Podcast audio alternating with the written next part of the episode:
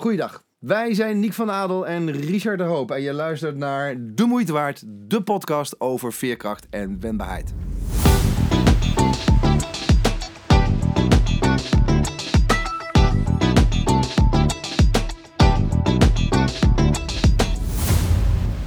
Welkom bij De Moeite Waard podcast, jouw podcast voor dat extra stukje veerkracht en wendbaarheid. Die je in staat stelt om beter om te gaan met tegenslag en te dansen in het leven. En deze week gaan we het hebben over zorgen voor anderen. Waar word je gelukkig van? Van zorgen voor jezelf of juist voor anderen? En wat heeft dat te maken met veerkracht en wendbaarheid? Hoe word je dus krachtiger door voor anderen te zorgen? Richard en ik delen onze ervaringen met een lach en een traan. De zin en de onzin, maar voornamelijk door heel goed voor elkaar te zorgen. Veel plezier. Ik heb er weer zin in. We hebben al een beetje eh, een warming-up gedaan. Nou, Yes. de warming-up was al, eh, alweer lekker. Eh temperatuur in onze studio begint al te stijgen. Dus dat betekent dat we erin aan het komen zijn. Eh, we beginnen met goed nieuws. Goeie nieuws deze Goeie week. nieuws. Goeie nieuws in deze week. Ik, eh, nou, het begint een beetje treurig, maar de, eh, we hebben de afgelopen weken het nieuws kwam dat er wederom een, eh, gekleurde eh, Amerikaan eh, om het leven is gekomen door politiegeweld in Amerika. En dat heeft voor allerlei rellen gezorgd. Eh, dat even daar gelaten, want dat is een groot sociaal-maatschappelijk probleem, maar het bracht ook weer iets moois. En dat is dat er een klein filmpje viral gaat van twee peuters. Nou, daar heb ik er zelf een paar van thuis lopen, dus daar word ik al blij van. En ik denk dat ze allebei een jaartje of drie zijn en die zie je van een afstandje, een metertje of 15, een donker jongetje, een blank jongetje op elkaar aflopen en elkaar een ongelooflijk dikke knuffel geven. Heerlijk. En, en that's it. Dat is het hele filmpje. Dat filmpje ontploft, gaat viral en iedereen wil het zien. Omdat we, denk ik, enorm veel behoefte hebben ook weer. Niet zozeer in de knuffel, maar zo tot elkaar komen. Of je blank bent, paars bent, van Chinees houdt of niet. Eh, of, je, of je welke politieke voorkeur je hebt. Maar dat we weer verbroederen. En het mooie vind ik altijd wel aan tegenslag. Dat het ook kan verbroederen. En eh, dat laten deze twee peuters heel mooi zien. Dus daar werd ik heel erg vrolijk van. En, en dat was mijn, eh, was mijn goede nieuws voor deze week. Hey, en en eh, ik ga hem eens omdraaien. Wat heb jij voor moois eh, meegemaakt, gezien of wat wil je delen? Eh, nou, een paar dingen. Dat ik het eh, heel grappig vind dat we... eh, nou, we hebben samen dingen op LinkedIn gedeeld. Ik heb, ik heb zelf een aantal posts gedaan. En dat betekent dat eh, het heeft in ieder geval ertoe geleid dat een aantal mensen... in één keer contact met je zoeken. Dat zijn mensen waar je nu mee aan het babbelen bent. afspraken mee hebt gemaakt. Aan het skypen bent gegaan. Die ik, zeg maar, anders nooit... Als corona er niet was geweest, om het zo maar even stom te zeggen... Nooit contact mee had gehad. En dat vind ik een heel bijzondere... ehm ja, vind ik bijzonder. En dat vind ik ook goed nieuws van, goh, ondanks het feit dat er dingen recht in je gezicht ontploffen, hè, dus de- jouw en mijn agenda zijn helemaal leeggeroofd en Ja. eh, eh, eh, er ontstaan, wa- wat je ervoor terugkrijgt zijn enorm veel leuke contacten. Daar ben ik, eh, ja, dat vind ik enorm goed nieuws. Ik vond het wel mooi voordat we toch naar het onderwerp gaan. Want toen we dit even aan het voorbespreken waren, toen begon je eigenlijk al eh, gelijk te vertellen wat dus ook deze coronaperiode allemaal had gebracht. Hè? Ja. Dus, dus welke dingen je al allemaal hebt gedaan, Ja, doordat je nu tijd kreeg. klopt. Ehm, hoe, hoe komt dat nou? Want dat heeft alles te maken met veerkracht. Hoe komt het nou dat je dat kan, kan zien? Of dat je dat in één keer op kan lepelen? Ja, dat denk ik. Punt 1 heeft te maken met het eh, totaal doorbreken van een routine die, eh, waar je leven op, hè, op- uit bestaat. Ik denk dat dat voor jou niet anders is geweest, zeg maar, eh, met je ongeluk. Je, je, daarvoor heb je een, een, een periode waarin dingen eigenlijk normaal zijn. Ja. En dan krijg je het ongeluk en dan, dan, dan gebeuren er heel veel dingen die niet leuk zijn. En dan, ontstaan, en, en dan ontstaat ook weer heel veel uit. Waar je naar terugkijkt en denkt van wow. Ehm, dat heb ik dus ook hè, met de, de, het overlijden van Sanne gehad. Maar ook nu. Weet je, dit, is, dit, is, dit brengt ons allemaal zo in één keer in een andere modus. Omdat ja, bijna niemand eh, er niet door geraakt is. En eh, het, het schijnt ook zo te zijn dat er ongelooflijk veel mensen, doordat ze nu een aantal weken thuis zijn, eh, zich zijn gaan afvragen: vind ik dit werk wat ik doe en Ja. heb gedaan nog steeds wel zo leuk? Dus volgens mij komt er dadelijk een enorme, nou enorm, er komt een beweging dat er een aantal mensen andere keuzes gaan maken. En dat is natuurlijk ook wat zoiets doet, omdat je uit je totaal uit je routine wordt gerukt in dit geval. En daar komen dus, dat vind ik dus ook mooi, dat je dus erop kunt vertrouwen dat er heel veel nieuwe dingen voor in de plaats kunnen komen. Ja. Want er komt letterlijk en figuurlijk ruimte voor andere dingen. Ja, maar kennelijk heb jij dus al ergens geleerd dat als je een tegenslag krijgt in je leven, dat er dus ook, niet een mist positieve van, maar dat er dus ook mooie dingen uit voortkomen. Het- Er komt onherroepelijk ruimte voor dingen. Er komt ruimte voor dingen, ja. Ja. En dat, dat is wat je... Nou, het is bijna een tussen, tussen, tussentijds tussentip. Tussentijds tussenstip. Nu al? We zijn net begonnen, Richard. Ja, nee, maar het is toch zo dat, dat je dus eigenlijk er altijd op kunt vertrouwen dat wat er ook gebeurt, er Ja. komt altijd ruimte. Ja. Er is altijd ruimte. Het is wel mooi, we hebben hem niet nu in deze tiendelige podcastserie, maar misschien dat er een elfdelige van worden, is natuurlijk wel een, een term voor, bedenk ik me net. Dat heet natuurlijk een posttraumatische groei, hè? posttraumatisch groeisyndroom, zoals ja. ik hem vaak wel noem. Ja. Oftewel, hoe kan je dus ook, eh, eh, hoe kan je de positieve kanten blijven zien na tegenslag en daar zelfs door, door groeien. En eh, dat is niet dat ik nou iedereen tegenslag wens, maar als je zo naar tegenslag gaat kijken, dan krijgt tegenslag een andere betekenis ook in je leven. Ja. Ik blijf dat wel een, een eh, bijzonder iets vinden. En ook dan, waar heeft het dan mee te maken? Hè? Is dat we hebben verschillende onderwerpen in deze podcastserie eh, aan de tand gevoeld. Is dat nou jouw optimisme? Is dat nieuwsgierigheid naar nieuwe dingen? Ja. Is dat zorgen voor jezelf, zorgen Mhm. voor anderen? Nou, we zullen het zien en ik hoop dat we na tien afleveringen het antwoord hebben. Misschien is het dat allemaal wel een beetje. Ja. Maar deze week zorgen voor anderen Ja. maakt dat je nou ja, gelukkig, eh, maakt het je gelukkiger. En we weten misschien allemaal geven, geven, geven en gij zult ontvangen Mhm. eh, is iets. Ehm, wat, heb jij, eh, wat, wat, heb je met dit, wat heb je met dit onderwerp, zorgen voor anderen? dat ik, als ik, als ik heel eerlijk ben, ehm, had ik daar nooit zo heel veel mee. Eh, het, het is nog steeds iets wat ik, ehm, eh, waar ik enorm aan leren ben. En door me ook weer, eh, eh, nou ook voor deze podcast erin te verdiepen, eh, snap ik het ook nog weer iets beter. Nou, er zijn in ieder geval een aantal dingen die ik, die ik ook samen met jou wil bespreken. Laten, we nou in eerste instantie eens even beginnen met het feit dat op zich zeg maar, zorgen voor een ander, daar schuilt ook een deel van je identiteit in. Hè? Want het- we kennen natuurlijk de zorgzame mensen, de zorgzame karakters. En eh, nou, zelf eh, geef ik veel eh, lezingen over samenwerken. En daar vergelijk ik karakters van mensen met instrumenten. Hè? Ehm, wa- wa- want nou, ieder, ieder instrument moet je anders bespelen. Net zo goed als ieder karakter van de mens anders is. En er dus hè, moet je op een drumstel slaan. Het heeft geen zin als je erop blaast. En als je op een, een viool begint te slaan, nou ja, dan, dan klinkt hij ook niet heel erg lekker. En dat is met zorgzaamheid een beetje hetzelfde. Er zijn een aantal karakters die wat meer zorgzaamheid in zich dragen. Als ik dat even vergelijk met die, met die ehm, instrumentenmetafoor, dan noem, dan noem ik bijvoorbeeld de hoorn. En de hoorn is, eh, eh, vanuit Belbin is dat de zorgdrager. Dat zit al in de naam. Die draagt zorg. Dat is dus ook de rol die ze hebben in een team in veel gevallen. Die zorgen ervoor dat als we dingen doen, dat we ze ook afmaken. Dat we niet, zoals jij en ik, overal enthousiast over worden. en dan vervolgens denken, nou ja, het moet ook nog een keer afgemaakt worden. Nou, dat, het- er zijn mensen die dat juist heel fijn vinden. Mooi maken. Jacqueline is zo'n Ja. fantastische mooimaker. Dus die willen dingen eh, ehm, ook af hebben, eh, afronden, punten, komma's, maar die willen het mo- mooi maken. En dat doen ze vanuit zorg. Ehm, pak een instrument als de viool, dat wordt ook wel de groepswerkers genoemd vanuit Belbin. En die maken zich altijd zorgen over het feit dat iedereen in de groep ook nog er wel bij is. Of iedereen zich wel bevindt. Dat is een drijfveer van hun. Een automatische drijfveer hoeven ze geen pillen voor te slikken. Dat gaat helemaal automatiek. Kijk, de trompetjes waar wij allebei graag op blazen, die doen niet anders als van het. Hè, wij zijn een soort van tijgertje, staartje opblazen en eh, opdraaien en rond te stuiteren. Eh, wij zijn over het algemeen relatief zorgeloos. Hè, dus dus eh, zorgen is voor ons wel een dingetje, maar vooral loos. In de zin van niet te veel zorgen maken. Niet om jezelf, maar dus ook niet om anderen. Ja. We kunnen, we zijn erg extrovert, knallen dus ook zonder dat we het weten over anderen heen. Dat doen we niet, dus zeg maar verbaal. Dat doen we niet vanuit bozigheid of, of, of Nee, Jij bij mij wel. absoluut wel. Dat, ja. dacht al. Nee, nee, nee, totaal niet. Totaal Nee, niet. toch? Nee, nee. Maar we hebben vaak niet eens door dat we Nee. door onze verbaliteit anderen eh, tot muurbloempje eh, exploderen bijna. Hè? Eens.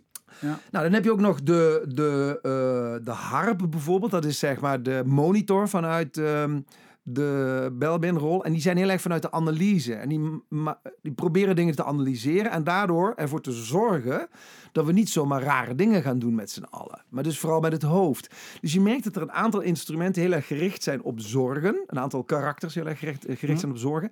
En een aantal eigenlijk veel minder. Pak de trom die juist risico's graag aangaat. Het voortouw neemt. eh, in discussies echt gewoon recht voor zijn raap zegt waarom het is. eh, waarom het gaat. En dus het lijkt wel of ze geen spiegelneuronen hebben. Ja. Ook dat heeft dus een, een functie. Dus, dus ja, wat, wat ik wel boeiend vond, of vind, is dat zorgzaamheid is ook voor een, een deel van je karakter, is een deel van je identiteit. En dat je dus niet een, meteen een heel veel beter of een heel veel slechter mens maakt. Maar dat het wel ook een, ja, het, het zegt iets over jou. Het is een, het is een beetje ident, ook identiteit. En daardoor heb ik er heel erg aan moeten wennen en werken. Het zat niet bij Richard van nature, zit een heel zorgzaam pers- persoon in. Bijzonder, want ik heb dat dus ook niet. Eh, zegt een jongen die hotelschool heeft gestudeerd. Ja. Hè? Dus ik heb Dat ook. eh, vier jaar lang, vijf jaar lang, want ik, ik heb daar lekker een jaartje aangeplakt natuurlijk. Oftewel gewoon lui geweest. Zorgeloos mijn studie gedaan. ja, Ehm, eh, een studie gedaan over het, het, het entertainen, het verrassen, het verwonderen, het zorgen voor gasten. Ja. Dat is waar de eh, gastvrijheidsindustrie op is maar gestoeld. weet je, in jouw rijtje komt hij dus ook als derde of zoiets. Hè? Je, geeft Ja. het, je geeft het al een Ja. entertainen in, Ja. en dan komt zorgen. Ja, maar dat is ook, hè? ik was mijn gast aan het entertainen. Ja, Maar niet aan het zorgen. Dus kom je bij ons thuis op een verjaardag. Dan is, ja, Kim die heeft dan de halve dag in de keuken gestaan. Exact. Iedereen krijgt koekjes. Overal ook in, de, in, de, in de kamer. Ja, en ik zit met mijn vrienden te kletsen. ja. En dat vind ik namelijk gezellig. En eh, eh, denk daarna één keer van, nou, hier is, heb je een biertje. Daar is de koelkast. Ja. En eh, dat maakt me geloof ik niet per definitie nou een slechte gastheer. Ik ben wel een andere eh, gastheer daarin. Eh, dus ik Anders heb het ook wel anders slecht. Ja, ja, ja. Nou, ik heb wel altijd Nee. gedacht van, moet ik dan ook maar voor iedereen zorgen? Of eh, elke eh, vriend van mij die, die weet dat iedereen kan bij mij echt... dat is niet waar. Nee, de mensen in mijn kring Mhm. kunnen bij mij echt terecht voor een goed gesprek. Zo zorg ik ook voor mijn vriendschappen. Mhm. Alleen elke week chit-chatten met iedereen zul je mij niet snel zien doen. Net als op een verjaardag of op een feestje. Ik het ook niet leuk vind om voor iedereen en alles te zorgen. Terwijl Kim dat fantastisch vindt. Niet helemaal eh, gek dat ze ook natuurlijk lang in de zorg heeft gewerkt. Ja.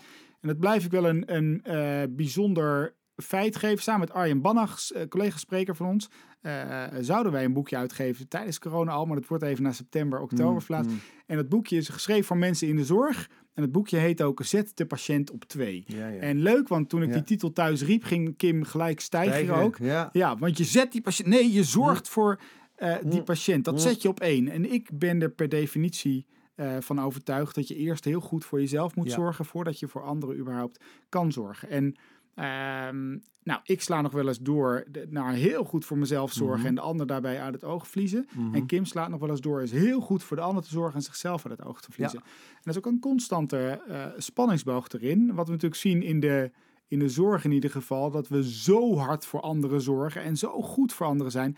Dat ja, de, de burn-out, ziekteverzuim enorm omhoog schiet. Omdat we niet meer goed voor onszelf zorgen. Eens? Uh, dus ja, ik geloof echt dat zorgen voor anderen, daar zit echt geluk in. Daar zit betekenis in ook. Ehm, en, en het is mooi dat jij er net mee begon. Dat mag je dus ook op je eigen manier doen. Dat zit dus ook in je karakter. Ja, nou ja, ik denk dat je, eh, je, je geeft ook een aantal dingen weer die belangrijk zijn ook voor dit thema, hè, zorgen voor een ander. Want, want feitelijk zeggen we als mens, zijn we daarvoor geschapen, hè, om ook voor een deel voor een ander te zorgen. Eh, maar, maar we hebben een paar pijnpunten aangeraakt volgens mij die we ook moeten bespreken. Hè. Dus van, van wanneer wordt nou zorgen voor een ander zo belastend dat je er zelf onder gaat lijden? Want volgens mij gaat het dan niet helpen. Ehm, ehm, en je, je, je, je zei het niet zo, maar ik, ik, ik druk hem er maar even wat in. In de zorg wordt ook vaak betutteld. Hm. En dat is volgens mij ook een gevaar. Dus dat je, dat je iemand gaat... Ik, ik word soms verzorgd door iemand waarvan ik denk, blijf van me af. Hoe vind jij het als iemand jou in je, in je rolstoel plotseling in je rug begint te duwen? Ja, dat, dat- dat moet je niet doen. Nee, nee, maar goed. Nee. Het is dus... En ik, en ik doe dat vanuit, ja, ik wil voor jou zorgen. En Ja. jij denkt, flikker op, blijf Ja. van me af. Ja. Dus dat is, zijn dingen, waar we het uiteindelijk eens even over hebben. Want het is natuurlijk ook voor, naast karakter, hè, naast dat je vanuit... Dus Kim film een zorgzaam, een verzorgend karakter. Jacqueline, een veelzorgend karakter. En daarom passen die dames ook zo goed bij ons. nee, want dat zegt Jacques ook. Ik wou dat ik af en toe zo zorgeloos kon zijn zoals jij bent. Ja, Want ja, dat ziet ze ook, hè, het, het voordeel daarvan. Terwijl ik het ook het voordeel zie van... Wow, dat iemand zich zorgen maakt, is ook heel fijn. Dus één, één deel, dimensie is volgens mij dat je het ook... eh, eh, het is een deel van je identiteit, een deel van je karakter. En het andere is, wat ik ook wel bijzonder vind... ehm, in hoeverre werd zorgen voor een ander bij jou thuis bijvoorbeeld? Ge, ge- ja, wat heb je daarvan meegekregen? Hoe is je dat geleerd? Zeg maar de cultuur thuis. Ja, mijn cultuur. thu- Ik ben opgegroeid in een, in, een, in een gezin met twee therapeuten thuis. Mhm. En daar werd juist heel erg geleerd dat je eh, goed voor jezelf moest zorgen. En dan pas goed voor een ander kon zorgen. Dus dat werd er echt ingebakken bij ons thuis. Eh, de andere kant van het verhaal is dat mijn moeder inderdaad dagen in de keuken kon staan. om voor iedereen koekjes te bakken. En de Ja. verjaardagen. Dus ik kom uit een heel verzorgend gezin. Ik Mhm. word ook heel graag verzorgd. Oh, zal ja, je nee, niet, maar dat weet ik. ja, dat zal, zal je niet verbazen. Nee. Ja, tuurlijk. Ik vind Tuurlijk niks niet. lekker. Leg mij maar lekker weer neer. Ik kan me dat dus echt nog heel goed herinneren dat eh, toen ik, eh, ik, had, ik kwam van de, van de intensive care af, daarna ga je naar medium care, daarna kom je het revalidatiecentrum. Mhm. Af, hè. Na drie weken mocht ik voor de eerste keer douchen. Nou goed, ik lag eh, als een hopeloos de, de- zorg je mensen op bed, dus ik kon helemaal niet in een stoel nog. Dus dan ga je op een douchebrancard. Mhm. En daar werd ik door drie vrouwelijke verpleegkundigen wel te Oeh. verstaan, werd ik voor het eerst onder de douche gezet.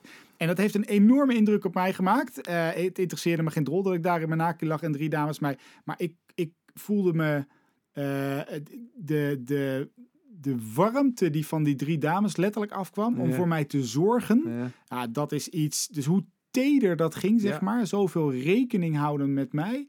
Ja, dat is iets dat ik nooit vergeet. En ik heb later wel eens met hun daarover gehad. En het was dus voor hun ook een heel bijzonder moment. Daar zit geloof ik de winnaar- magie, ja. hè? Ja, Dat is volgens mij ook de magie. Dat twee partijen voelen, ja, hier gebeurt iets bijzonders. ja. ja. Dat zou toch mooi zijn als we voor elkaar zorgen dat we dat ook zouden voelen. Nou ja, misschien jawel, jij wel. Ik denk dat je dat goed zegt. Ik denk dat daar dus ook de, eh, de, de, de relatie in zit naar veerkracht, naar, naar wendbaar zijn. Eh, is dat het goed leren zorgen voor anderen, eh geeft je dus zelf, eh geeft jezelf ook kracht. Ja. Als het op een, op een dus manier. niet op een betuttelende manier, niet op een egocentrische, maar op de goede manier gebeurt. Ja. Dus dat maakt je als mens ook veerkrachtiger. Ja. Daar geloof ik heilig in. Dus Nou ja, ehm, kijk, ehm, eh, een van de bijzondere gebeurtenissen eh, eh, na, na het overlijden van Sanne was dat Jacqueline ehm, kwam toen ook van de intensive care af. En kwam ook op de, op de gewone afdeling. En in dit geval heeft zij een, een aparte kamer met een apart bed gekregen. Eh, naast dat, ze hè, nog, nog veel fysieke pijn had, maar ook ja, de mentale pijn verwerken van hè, je, je, bent je dochter verloren. Eh, kwam er dus een, een verpleegkundige aan haar bed zitten. Zij was ehm, eh, manager van een andere afdeling, maar kende ons van vroeger vanuit de kroeg. En daar stonden we ook samen te stuiteren. En zij komt aan bed als, als mens bij Jacqueline en vraagt oprecht ochtends aan haar na haar lange dienst: Ja, Jacqueline, hoe gaat het nou met jou? En eh, Jacques die, die zei: Ja, het gaat helemaal niet goed met mij, maar ik moet naar huis. Ik, ik wil nu naar huis, want, want eh, Richard en Joris die zijn bezig met het lichaam van Sanne naar huis te brengen. En ik moet daar ook zijn. En eh, Ank, want zo heette ze, heet ze die, die, zag natuurlijk medisch is het totaal niet mogelijk. Jacques had nog geperforeerde long en ribben gebroken en, en een heleboel ellende. Dus die kon helemaal niet het ziekenhuis uit. Maar die nam daar een besluit. In de zin van, ik ga je voor jou zorgen. Maar dat, dat sprak ze niet uit. Eh, zij is toen naar haar collega gegaan op die afdeling. Heeft eh, aan die eh, afdelingshoofd gevraagd van... Ik denk dat we maar één ding kunnen doen. Wat humaan is. Wij moeten zorgen dat het lichaam van die dochter hier komt. En dat mag helemaal niet. Hè? Je, mag, je mag helemaal geen, geen lijken op, opbaren in een ziekenhuis. Dat protocollen schrijven, dat, dat mag niet. Maar die twee meiden die hebben toen overlegd met de rest van het team van die afdeling. En die hele team was unaniem, dat gaan we doen. Die twee dames die zijn naar de directie gegaan. Ik heb maanden later ben ik nog bij die directeur geweest. En die directeur zei, ik zie de deur nog open gaan. Die twee komen naar binnen. En ik zie, ik heb hier niets, maar dan ook niets meer te vertellen. Want de beslissing is al lang genomen. Eh, lang verhaal kort. ehm, eh, eh, binnen zes uur was het lichaam van Sanne in de kamer naast waar Jacqueline en is daar opgebaard. Haar vriendinnen mochten die kamer inrichten. Technische dienst heeft alles in het, in het werk gesteld. Ze hebben eh, een stukje routing omgelegd. Ehm, eh, en toen kon echt, zeg maar, voor ons ook de, de, de, de, de, hele intensieve rouw ook echt beginnen. Er kwam een medisch team wat, wat Jacqueline begeleidde. De eerste keer dat ze, dat ze Sanne weer mocht zien. Ehm, ja, dat noem ik zorgen voor een ander. Ehm, eh, dat was voor ons een, een bah, eh, ongelofelijke vorm van barmhartigheid en compassie. Eh, en het, het effect wat het daarna, en dat, is eigenlijk wat jij net wat jij precies vertelde, het effect wat het daarna had was dat dat team, die, die, die ons zo heeft geholpen, maandenlang, maandenlang een, een, een, een turbo op hun samenwerking had. Die konden echt samen alles aan. Alles aan. Omdat ze dus in die uitwisseling van elkaar helpen en voor elkaar zorgen, zoveel energie is daaruit vrijgekomen. En ik denk dat dat wel een essentie is van zorgen voor een ander. En terwijl ik dit vertel, Nick, dit komt ook zo hard binnen nu in één keer. Poeh. Ja, ik zie het aan je. Ja. Ja, Ja. damn. Ja. ja. Zo, zo bijzonder. Ja, Dat kan het dus doen. Nog Ja. steeds. ja, ja.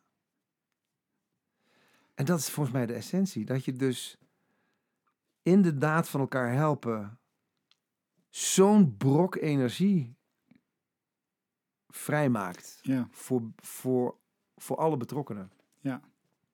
Ja. En dan heeft het niets meer te maken met betuttelen of, of wel of geen koekjes. Of, dan is het, ja, nou, ja, die verbinding die is zo sterk. Ja.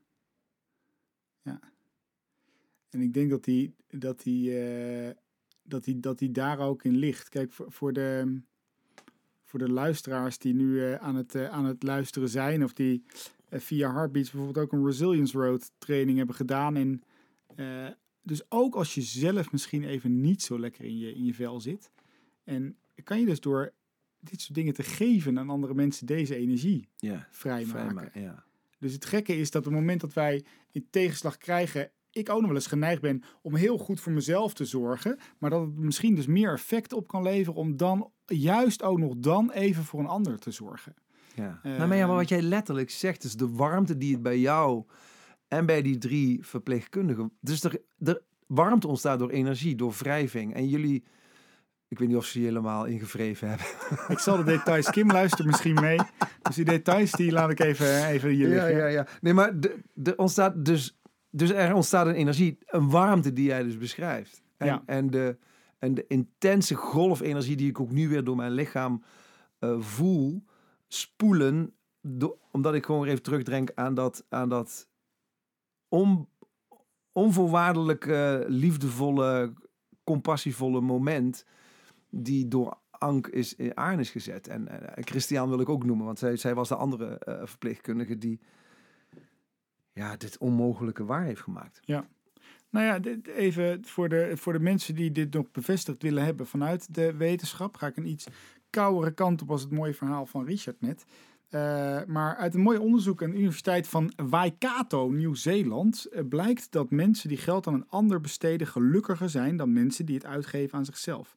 Hè, dus het geven van, van cadeautjes, eh, van zorg, van aandacht, stimuleert letterlijk het beloningscentrum hè, in onze hersenen. Mhm.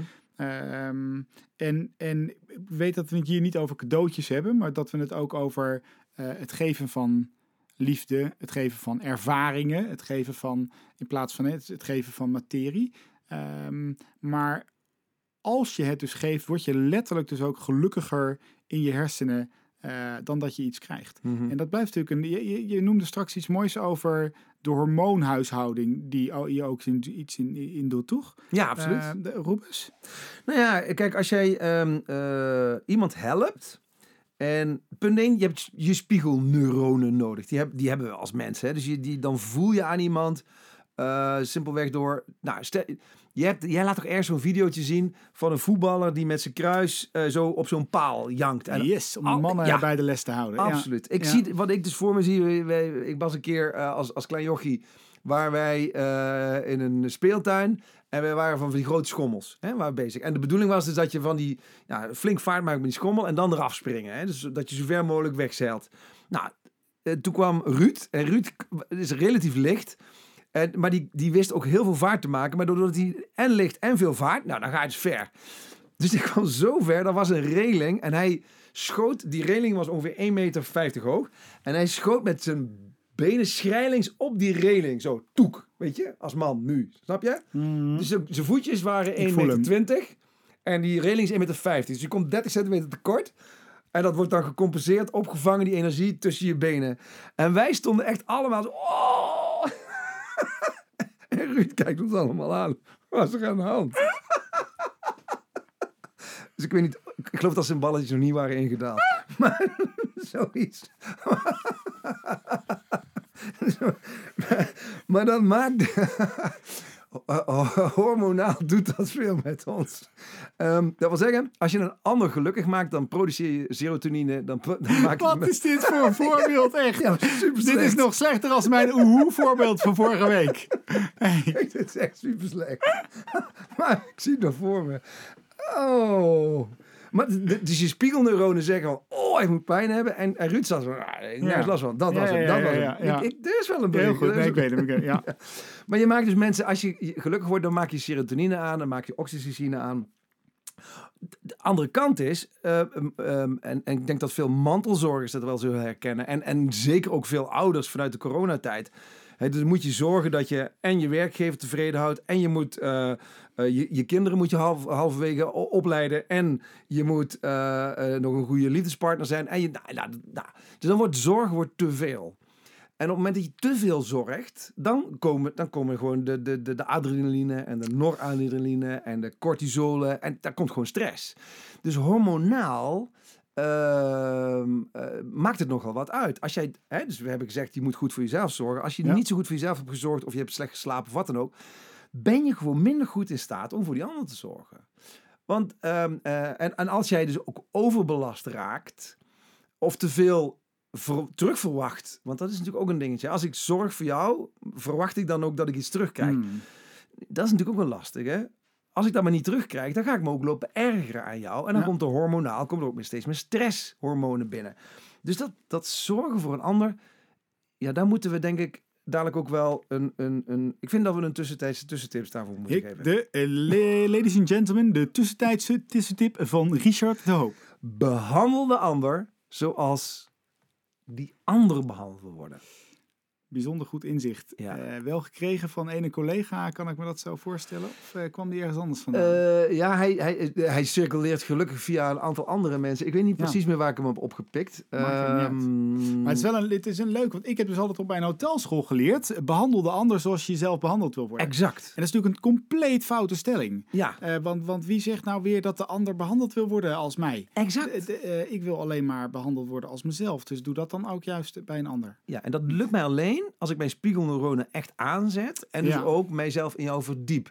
Dus in die zin heeft voor een ander zorgen ook iets... he- heeft alleen maar te maken met verbinding kunnen en willen maken. Dus als ik echt verbinding met jou maak, dan weet ik ook... Oké, dit is jouw behoefte, daar kan ik jou mee helpen. Dus ik, ik weet dat ik jou niet zomaar... ehm, eh, eh, moet gaan lopen duwen of lo- lopen Ja. helpen. Ja. Ik weet inmiddels, jij vraagt daar wel om. Nou, dat is de manier waarop jij geholpen wil worden. Als ik nou gewoon ongevraagd ga lopen... eh, eh, wel als ik zie dat jij dorst hebt en ik zie dat jij... eh, stel, je staat met een paar mensen te spreken en ik zie dat jij dorst bent en ik, haal, ik ga er nog gewoon iets halen. Ik geef het jou dan. Nou, dan weet ik zeker dat je helemaal... Dat doe jij ook altijd overigens als wij ergens zijn. Ik heb een, ik heb, oh, er komt iets geniaals binnen. Een tweede tussentijdse tussentip. Dames en heren, een tweede tussentijdse tussentip van Niek van der Nadel. Zonder hulpvraag geen hulp. Oeh, dit is het mooie zinnetje wat ik van mijn moeder thuis altijd leerde. Mijn moeder was haptotherapeute. Eh zij is helaas eh, enige jaren geleden overleden. Eh, maar bij ons ging het thuis heel erg over voelen. En daar ging het voornamelijk, dit zinnetje kwam vaak voorbij. Je kan iemand geen hulp geven. Je kan ook niet voor iemand zorgen als er geen hulpvraag ligt. Mm, Dit is mm. een beetje, ik vergeet nooit dat ik, dat ik ooit een keertje wel gewoon door een taxichauffeur ben die, die mij gewoon eens gaan duwen zonder dat te vragen. Dat was uit alle liefde bedoeld. Je refereerde er in het begin van het gesprek eventjes aan. Alleen nog steeds is dat een heel pijnlijk moment. Er zitten niet voor niets geen hendels aan mijn rolstoel. Dat betekent dat ik mezelf heel goed prima zelf kan duwen. Dat is een beetje hetzelfde als wij eh, over straat lopen en ik ken jou niet. Ik til jou op en ik zet je 10 meter verder neer. Letterlijk. Zo voelt dat. Lijkt me wel heel leuk Ja, om maar te ik doen. denk dat het raar is. ja.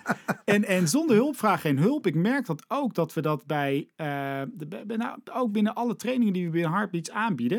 Op het moment dat mensen ik kan ze niks door de strot heen duwen. Nee. Eh, ik ben er ook mee gestopt om, om mensen überhaupt te gaan helpen als er niet duidelijk een hulpvraag ligt.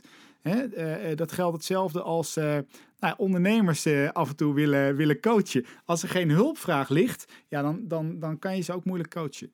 En hetzelfde geldt denk ik voor het zorgen voor anderen. Dat kan alleen maar als je de ander behandelt zoals de ander behandeld wil worden.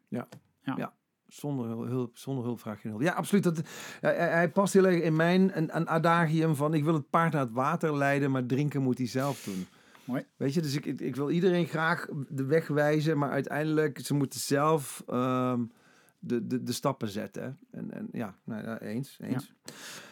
Ehm, Hebben wij nog eh, een aantal mooie tips om af te sluiten? Of, ja, en ja, nog eh, één dingetje wat ik ja, nog wil zeggen. Ik- Daarom vroeg ik ook wel even naar, naar hoe dat bij jou thuis was. Van culturen. Ehm, Oh ja. culturen zijn natuurlijk gewoon ongeschreven regels die mensen eh, uiteindelijk, zeg maar, de software die we, die we laden. Dat zijn de regels die wij normaal vinden. Dit zijn onze manieren, of zo zijn onze manieren. En als je naar verschillende, eh, verschillende culturen kijkt, dan zie je dat de zorgen voor elkaar ook wat anders wordt eh, eh, gez- gezien. Hè? Kijk je naar de meer zuidelijke culturen, die we- wellicht aan de ene kant heel erg masculien kunnen zijn. Hè? Dus pa- pa- pak een beetje Ita- Italië of zo, waarin hè, je moet wel laten zien dat je, een, eh, dat je iets voorstelt. En aan de andere kant is daar ook een enorme familiecultuur. Dus voor die papa en die mama, daar wordt gewoon voor gezorgd. Eh, ik las in de biografie van Barack Obama dat hij een keer eh, op bezoek was bij zijn- familie in Kenia. Ik geloof dat zijn vader van Keniaanse afkomst is.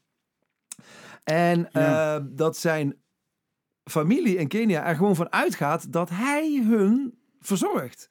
Want hij heeft veel geld. Hij is namelijk de rijke Amerikaan. Dus, dus dat is daar gewoon een, een, binnen die cultuur doodnormaal. Jij hebt geld, dus verzorg je de anderen. Ja.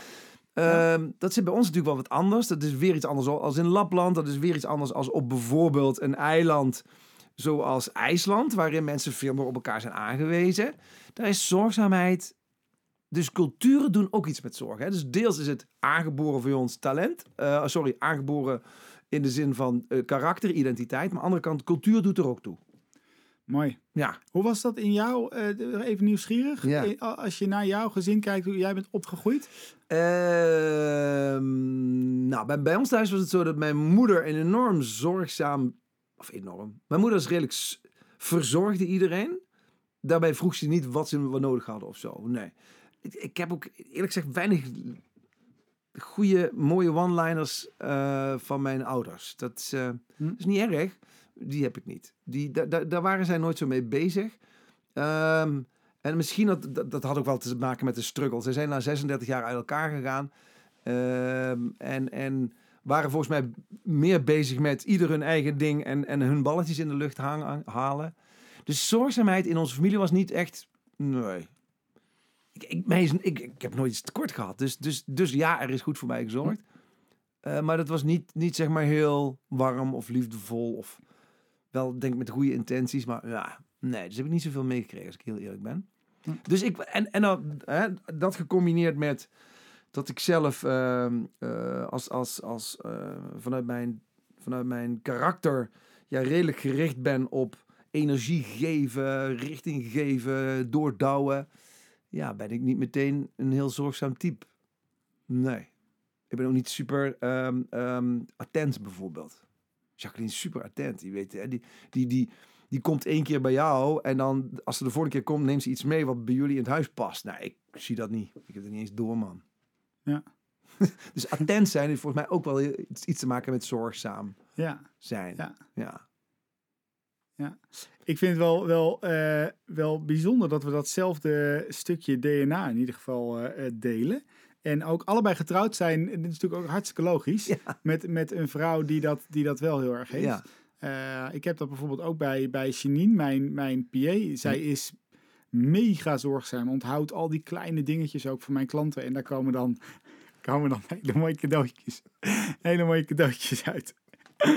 Oké, ik heb nog. eh, eh, eh, we hebben best wel dingen gedeeld, Ja. of best wel dingen gecoverd. Ik heb nog wel mensen die nou bijvoorbeeld thuis zitten en die denken: oké, maar dan wil ik wel voor anderen zorgen, maar hoe dan? Ja. Toen dacht ik, wat echt heel leuk is, maak het eventjes klein. Ga het maar eens oefenen. Mhm. Wat het gelijk met je. Dus ik heb vijf hele kleine, leuke, creatieve nou, noem het maar bijna cadeautjes die je iemand kan geven om even voor de ander te zorgen. En die vond ik heel leuk. Ja. Eh, in plaats dus door iemand een, de volgende keer een cadeautje te geven, ga je ze een ervaring geven. En dat heeft ook Ja. te maken met dat je voor iemand zorgt. En eh, dat bedoel ik met die kleine dingen. Dus geef iemand dus een, een, een eh, persoonlijk assistent voor een dag. Geef iemand dus nieuwe vrienden. Heb jij iemand wel eens nieuwe vrienden gegeven? Ja. Nou, dat is hartstikke gaaf. Ja. En daar geef je weer een ervaring mee. Is het, tenminste, is het, was het gaaf? Ja, super gaaf. Ja, Ja. echt. Eh, en het is, het is mij zelf ook een keer overkomen dat een vriend van ons vroeg. eh, het enige wat jullie moeten doen is een, eh, drie schone onderbroeken en, en weet ik wat. En wij kwamen met een totaal club vreemden kwamen aan op een vliegveld. En we zijn daarna een weekend lang weg geweest. Ja, geniaal. Ja, is ook een vriendschap aangeboden. Het is zo gaaf. Nou, Mensen die elkaar helemaal niet kennen. Ja, top. Is zo mooi. Zo gaaf. Ja. Ja. Ehm, geef iemand eens een keertje een vakantie in eigen woonplaats. Trek je, je je wandelschoenen aan en maak het dus niet te groot. Dat bedoel ik alleen maar mee Mhm. te zeggen. En ga eens op ontdekkingsreis, waardoor je misschien ook nog wel eens een keer een heel mooi gesprek met iemand gaat hebben. Ja. Zorgen voor een ander. Ja. Geef nu eens mooi iemand. Geef iemand een, een diner in je eigen huisrestaurant. En, en dit vond ik een bijzondere. Geef iemand eens een keertje een grafrede cadeau. Mooi. Vind ik een hele mooie. Wat zou je nou tegen iemand zeggen als die persoon er niet zou zijn? Maar zeg het dan nu, nu die er nog is. Maar zeg het dan nu. Ja, ja. ja, Ja. Dat, is wel, dat is wel handig om het dan nu te doen, ja. Eh, en het vind ik, ik heb maar een paar dingetjes opgezocht, maar ik vind het leuk omdat je daarmee ook klein maakt en behapbaar maakt. Ja. Ja, om, om daar dan, dan zeg maar nog eh, hè, aan aanvulling van deze mooie tips nog iets, iets praktischer vond ik, nog, eh, vond ik deze vragen die je kan stellen aan jezelf als je iemand wil gaan helpen. Punt 1, hè, eh, heeft die, wat voor hulp hebben ze nodig? Dat is eh, heel erg aardig. Maar vervolgens, heb, vraag aan jezelf, heb ik ook de tijd ervoor? Heb ik er zin in? Geeft het mij zin? Zingeving, geeft het mij zin? Mooi. Vind ik dit nou echt belangrijk? Wat gebeurt er als ik nee zeg? Kan het ook later? Of zou iemand anders het net zo goed of misschien nog wel beter kunnen doen dan ik? Ook om, om te checken, ben jij nou de juiste persoon om op dit moment die ander te geven wat die ander ook nodig heeft? Eh, ik heb zelf nog wel de neiging om dan maar iedereen, maar, of iedereen, veel mensen zomaar te gaan helpen, maar zonder me af te vragen of, ze, of ik nou ook wel de juiste persoon ben. Mm. Toch? Want dan, ja, misschien ben ik ze eh, eh, met Bach aan het voeren terwijl ze om ACDC vragen. Goeie, voor- goeie vergelijking, though. Hele ja. goede vergelijking. Hele goede vergelijking. Een hele goede vergelijking. Ja. Hey, ik heb nog een, eh, een eh, kleine laatste voor eh, de lieve luisteraar. En dat is dat, kijk, deze tien onderwerpen, die komen niet, die zijn niet zomaar geboren. Richard heeft een groot aantal mensen mogen interviewen. Eh, want ik heb ze namelijk allemaal geluisterd. eh, over wat betekent veerkracht en wendbaarheid nou. En daar is dit onderwerp ook uitgekomen. Hè? Ja. Dus het zorgen voor anderen bij meerdere personen. Het zorgen voor anderen maakt dat je veerkrachtiger en wendbaarder in je leven staat. Ja. We hebben een, een, een nieuw iets dat waar in september eh, organiseren Richard en ik samen met Heartbeats een ongelooflijk gaaf evenement. Eh, om jouw veerkracht en wendbaarheid te vergroten. Oftewel, hoe word je nou nog krachtiger naar tegenslag? De precieze datum ga ik je in de volgende podcast mededelen. Maar dit is vast de cliffhanger. Blokkeer de tweede week van september compleet in je agenda. Ja. Want dit wordt het leukste evenement van het jaar. En er zijn echt maar een klein aantal kaarten nog beschikbaar. Dus wees er snel bij. Hou onze socials in de gaten. En dan eh, gaan we op naar een heel leuk evenement.